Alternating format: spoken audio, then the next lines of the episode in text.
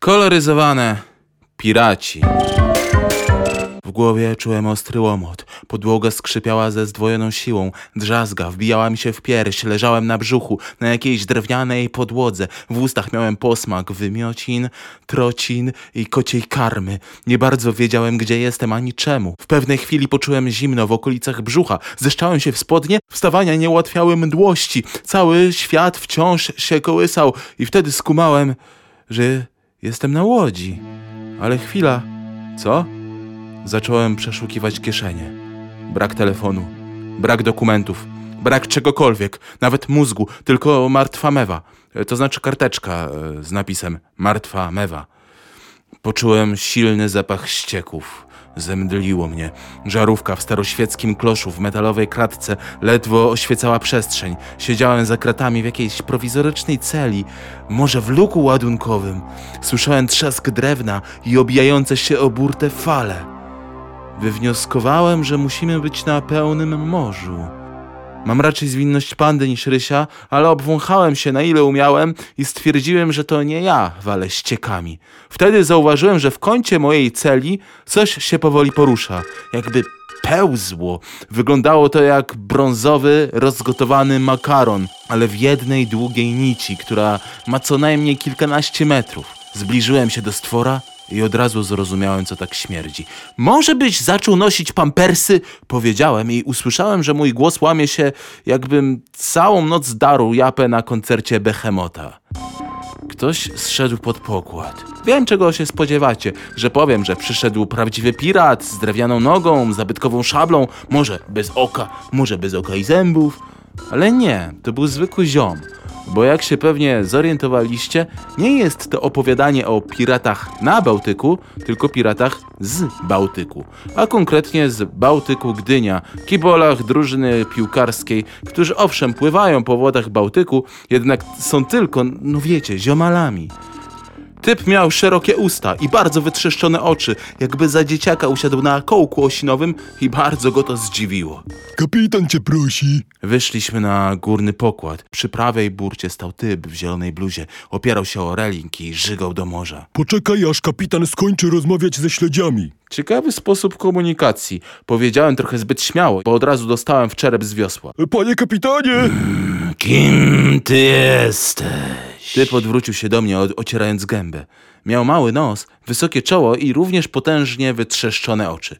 Piotr Rogalski, dzień dobry. Dobrze się pan czuje? Nie pytałem o nazwisko, tylko o to, czyim jesteś szpiegiem. Szmato. Pomyślałem sobie, że to dobry powód do żartów. No wiecie, zawsze sobie żartuję, kiedy mam kaca. To mnie rozluźnia. Jestem rosyjskim szpiegiem. Przysłał mnie Borys Jelcyn, żeby podłożyć na waszej łajbie nadajnik GPS, który połączy statek ze Sputnikiem. Załoga! Słyszeliście? Niestety ten miły small talk z kapitanem sprawił, że nie zauważyłem bandy uwalonych smarem typów w biało-niebieskich swetrach, kurtkach, koszulkach. No różnie byli ubrani, choć kolory jedynego Bałtyku Gdynia. No, chłopaku, będziemy musieli cię gwałcić pod pokładem, aż wyśpiewasz wszystkie nazwiska i powiesz, gdzie ukryłeś nadajnik. Panie kapitanie, Odezwał się kolejny członek załogi, wysoki typ z bardzo, ale to bardzo wytrzeszczonymi oczami. Tak bardzo wytrzeszczonymi, że mógłby na całą gałkę nałożyć teleskop i oko wyszłoby z drugiej strony. W ogóle dziwna sprawa, ale w zasadzie cała załoga, no co do jednej osoby, wszyscy mieli wytrzeszczone oczy.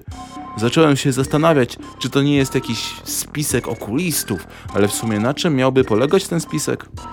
Nie jestem najlepszy w tego typu teoriach, więc odpuszczę, okej? Tak naprawdę napisałem załogę z wytrzeszczonymi oczami po to, żeby żaden filmowiec nigdy nie porwał się na to opowiadanie z genialnym pomysłem adaptacji.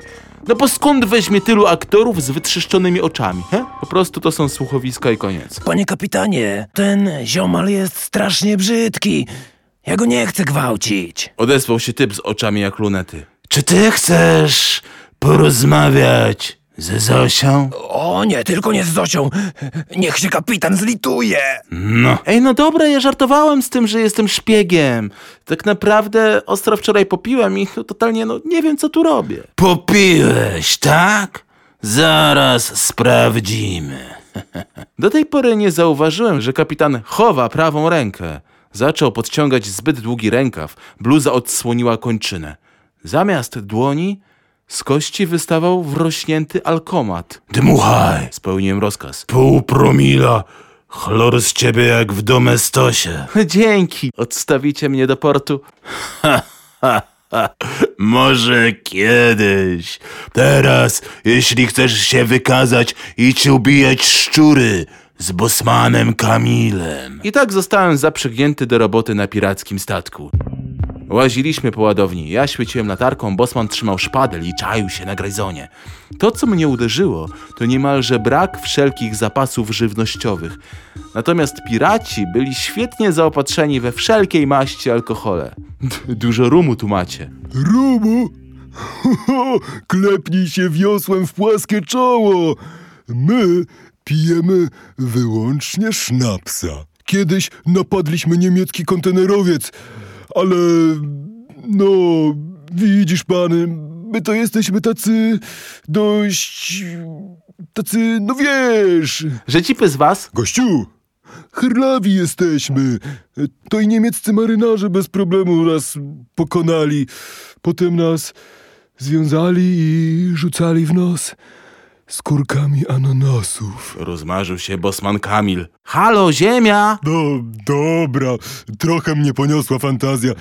W każdym razie kapitan kontenerowca miał problem z alkoholem i załoga stwierdziła, że ukaże nas, oddając y, zapasy sznapsa przybłędom z Bałtyku. Nagle z zapustej skrzynki wychylił łeb wielki szczur. Oświetliłem drania. Bosman zamachnął się i odciął łeb. Z małego ciałka wypłynęła czarno-zielona krew. Pyszczek gryzonia próbował jeszcze raz capnąć raz po raz kawałek podłogi. Bosman zaczął tańczyć. Mój jest to kawałek podłogi. Z ciała szczura wypełzły dwa nowe, zielone szczury. Bosman wyraźnie osmalił pantalony, zamachnął się szpadlem. Przeciął gryzonie na pół, ze zwłok każdego wyszły po dwa nowe, tym razem czerwone szczury. O nie, to zaklęcie hydry. Musimy przestać mordować szczury. Bosman zamachnął się i wycelował we mnie. Uniknąłem ciosu, szpadel uderzył w ścianę, złamał się i niczym radosny bumerang wrócił do właściciela, odcinając mu głowę. Po chwili ze zwłok Bosmana wyszło dwóch nowych Bosmanów. Jeden rzucił się ze zębami na szczury i zaczął je gryźć, a drugi powiedział... Wszystko w porządeczku, panie Rogalski. Chodźmy do kapitana po nowe zadanie. Kapitan siedział na tronie i gładził długiego, makaronowatego robala, którego widziałem w celi. Jak się sprawdza ten rogalski? Przeszedł próbę głów. Farciarz! Przepraszam, panie kapitanie, co pan trzyma na kolanach? To jest wstężnica Zosia. Najdłuższe żyjące zwierzę na ziemi. Ten okaz ma e, niestety tylko 68 metrów. Tresuję ją od maleńkości i już zna kilka karcianych sztuczek. Przepraszam za to śmiałe porównanie, ale wyglądacie jak Lord Voldemort i jego wąż. To faktycznie śmiałe porównanie, ale również prawdziwe, ponieważ mój alkomat, drogi panie Rogalski, jest równie morderczy jak różdżka Voldemorta. Nagle kapitan zerwał się na nogi. Chwila, co, co to jest? Co to jest? Tam, na horyzoncie! W morskich falach pojawiła się gigantyczna głowa Reksia. Kapitanie, to, to morski pies. Morski pies na horyzoncie. Wszyscy na pokład. Szykujcie broń. Ale my nie mamy broni. Tylko nie morski pies! Dwóch członków załogi spanikowała doszczętnie. Wyskoczyli za burtę. Co oni robią? spytałem oszołomiony. Boją się bolesnej śmierci w pysku morskiego psa. Ponoć siedzi na dnie Bałtyku i przybija pieczątki z ludzi, którzy topią się przez wieczność. Jak przybija pieczątki? No, jak to Reksio. Umcy, umcy, umpapa, umcy, umcy, umpapa, umcy, umcy, umpapa. A, aha. Może uda nam się go jakoś ominąć. Kapitan spojrzał na mnie jak na debila. Ominąć? Panie Rogalski, pan jest absolutnym geniuszem. Że ja na to nie wpadłem wcześniej, że należy ominąć tego morskiego potwora.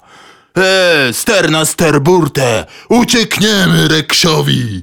I faktycznie, pięć minut później uciekliśmy Reksiowi. Z oddali dobiegło nas jedynie radosne szczeknięcie. Jako, że ja piszę to opowiadanie i tak się składa, że znam język psi, to uchylę przed wami rąbka tajemnicy. Reksio szczekał, chuj wam ludzie chodzi. Ja tylko sobie wyszedłem popływać, a wy wyrzucacie załogę do morza. No i chyba wyjaśniła się tajemnicza legenda morskiego psa, o którym zresztą Grzegorz Ciechowski wspominał w piosence Śmierć na pięć. Panie kapitanie, przed nami jakaś niezy... niezy... niezidentykowana... Jakaś wyspa przed nami na horyzoncie. W każdym razie jest. Popisał się Bosman elokwencją. Chwila, ja tu kiedyś byłem. No właśnie tu, w tym miejscu. Zakopał pan skarb? Nie, Stracił pan dziewictwo. nie. Oszukał pan w zakładzie Stephena Hawkinga. Co? Nagle załoga zainteresowała się mną aż za bardzo.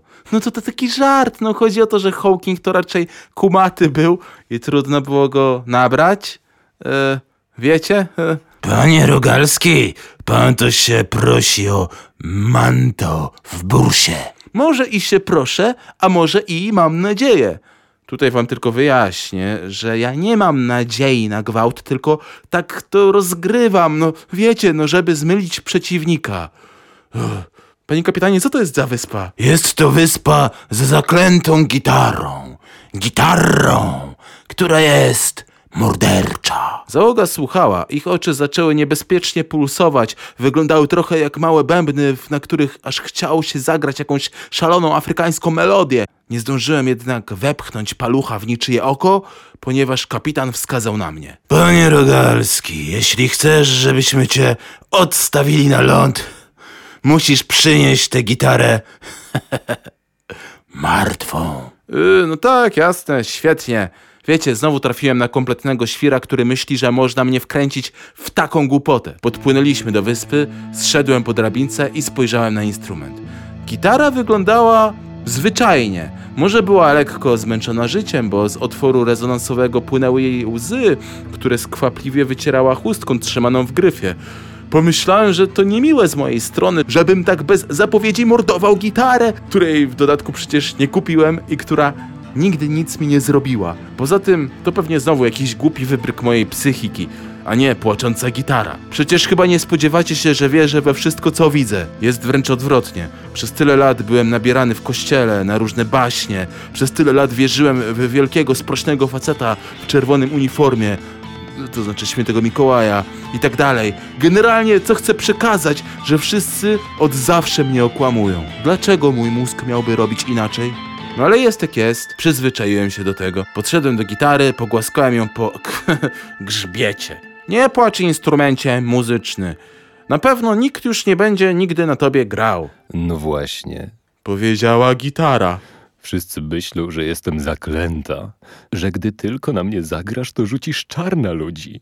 Odjebie im na punkcie hajsu, kariery, samochodów, że wszyscy będą chcieli być ekstra plastik.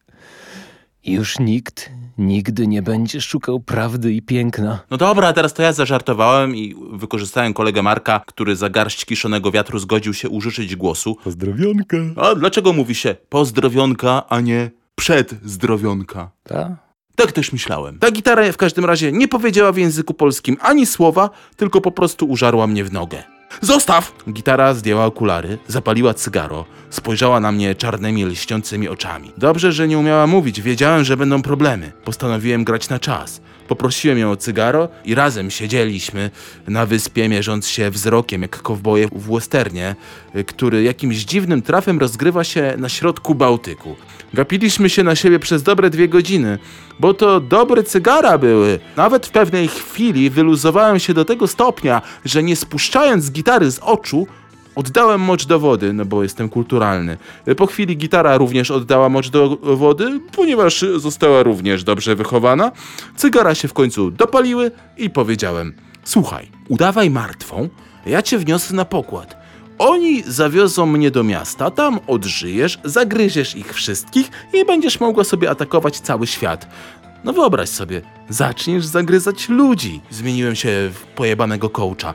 Pomyśl o tych wszystkich gitarach uwięzionych w filharmoniach, operach, domach, teatrach, sklepach muzycznych. Stworzysz armię i zaczniesz władać światem. Gitara nic nie powiedziała, po prostu zamknęła oczy i stała się zwykłym instrumentem. Czułem, że zdobyłem jej serce, że może jeśli faktycznie jest taka groźna i zacznie zabijać ludzi, to mnie jednak oszczędzi. Mnie i tych, na których mi zależy. Wszedłem na pokład. Widać, chłopaki mocno się nudzili, bo dwóch z nich siłowała się na fantastycznie długie języki. Czy wy jesteście jedną rodziną? Te oczy, języki. Czy wy jesteście płazami? O co tu chodzi? Nie, po prostu sponsoruje nas żabka. Aha, odrzekłem, chociaż miałem wrażenie, że jakoś do nich wszystkich pasuje. Ty, Rogalski, ze swoim płaskim ryjem i wytrzeszczem, to do nas pasujesz. Dzięki, odpowiedziałem, chociaż przyznam, że dostałem małej erekcji. Gitara nie żyje, możemy wracać. W tym momencie gitara otworzyła oczy i odgryzła kapitanowi głowę. Krzyknął Bosman, któremu sekundę później coś wypaliło w czaszce dziurę na wylot. Bosman Kamil padł trupem. Kolejne strzały z lasera zaczęły zabijać załogę. Dopiero po chwili zorientowałem się, że w powietrzu dryfuje do nas gigantyczny statek kosmiczny, cały zielony, z jakimiś czarnymi elementami na karoserii. Szybko zrobiłem z niczego białą flagę i zacząłem machać. Statek zaczął nas okrążać. Nagle otworzyły się poziome drzwi, wysunęły schody. Zapraszamy do środka. Wszedłem niepewnie. Gdy tylko znalazłem się w środku, zauważyłem typa, w sensie zwykłego człowieka, który skanował załogę statku. Przy każdym pojawiało się imię i nazwisko oraz status. Wszyscy mieli podpis pirat. Gitara była podpisana mordercza gitara. Rozległ się huk. Zobaczyłem setki laserowych promieni niszczących statek, który chwilę później zatonął. Witamy na statku Spotify, panie Rogalski. Dzień dobry. Nagle bezgłośne drzwi otworzyły się. Wyszedł z nich typ, trzymający worek wypełniony krwią. Załoga zaczęła mu salutować. Zajarzyłem, że to kapitan statku Spotify, a on zorientował się, że trzyma krew i oddał ją pierwszej lepszej osobie, nawet nie sprawdzając grupy krwi. Przywitał mnie takimi słowami. To był ostatni statek piracki na Bałtyku. Jak pan widzi, Spotify skutecznie walczy z piractwem. Aha, Co pan robił z tymi ludźmi? y, przypadkiem tam trafiłem. Nie lubię się tłumaczyć korposzczurom, wiecie. Poza tym wciąż miałem w, w kieszeni karteczkę z napisem Martwa mewa. I w sumie nadal nie pamiętam, co robiłem dzień wcześniej, ale łeb mnie napierdzielał ostro. Kapitan był uprzejmy i niemal natychmiast odstawił mnie do Gdyni. Zanim opuściłem statek Spotify, spytałem, przepraszam, a tak z ciekawości, to co za napęd pozwala wam tak cicho i bezszelestnie mknąć? Napędzamy się łzami i potem artystów. A oni coś z tego mają?